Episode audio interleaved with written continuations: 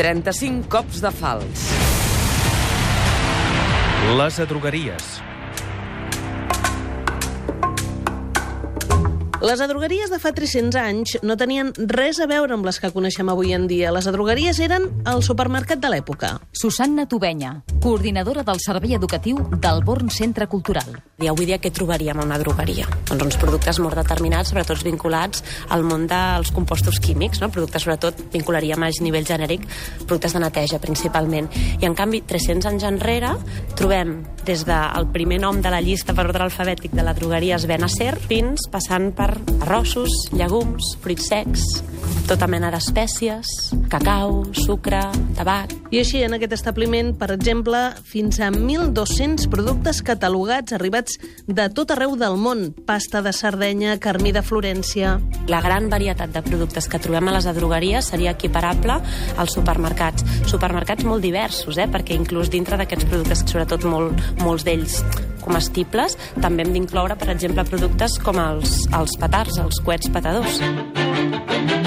Una varietat fruit també dels canvis que vivia la mateixa Barcelona, una ciutat que s'havia transformat de manufacturera a distribuïdora, una ciutat pròspera i oberta al món, amb el Born com a enclavament comercial clau per la seva proximitat al port i a la vegada a la línia de muralles. Barcelona era una ciutat oberta al món a nivell de comerç i això fa que la societat mica en mica conegui noves formes de consum i refini els seus gustos i canvi hàbits. Tot i que eren els espais de referència, també hi havia altres llocs clau per la compra i venda de productes.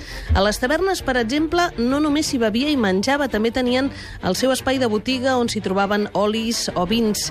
I tot plegat amb una bona conservació perquè a l'època també es comprava i venia gel. Amb un llogater de mules, també un negoci que ens parla doncs, de tot el transport i el moviment de la ciutat no necessari, el que feien era transportar gel a diari des dels de, pous de gel de Castellterçol, des del Montseny, i el portaven a la, a la ciutat de Barcelona.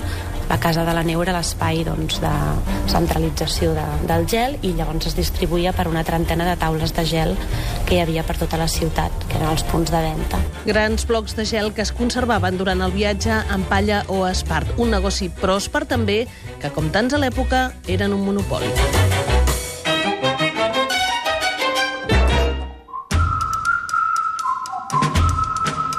35 cops de fals.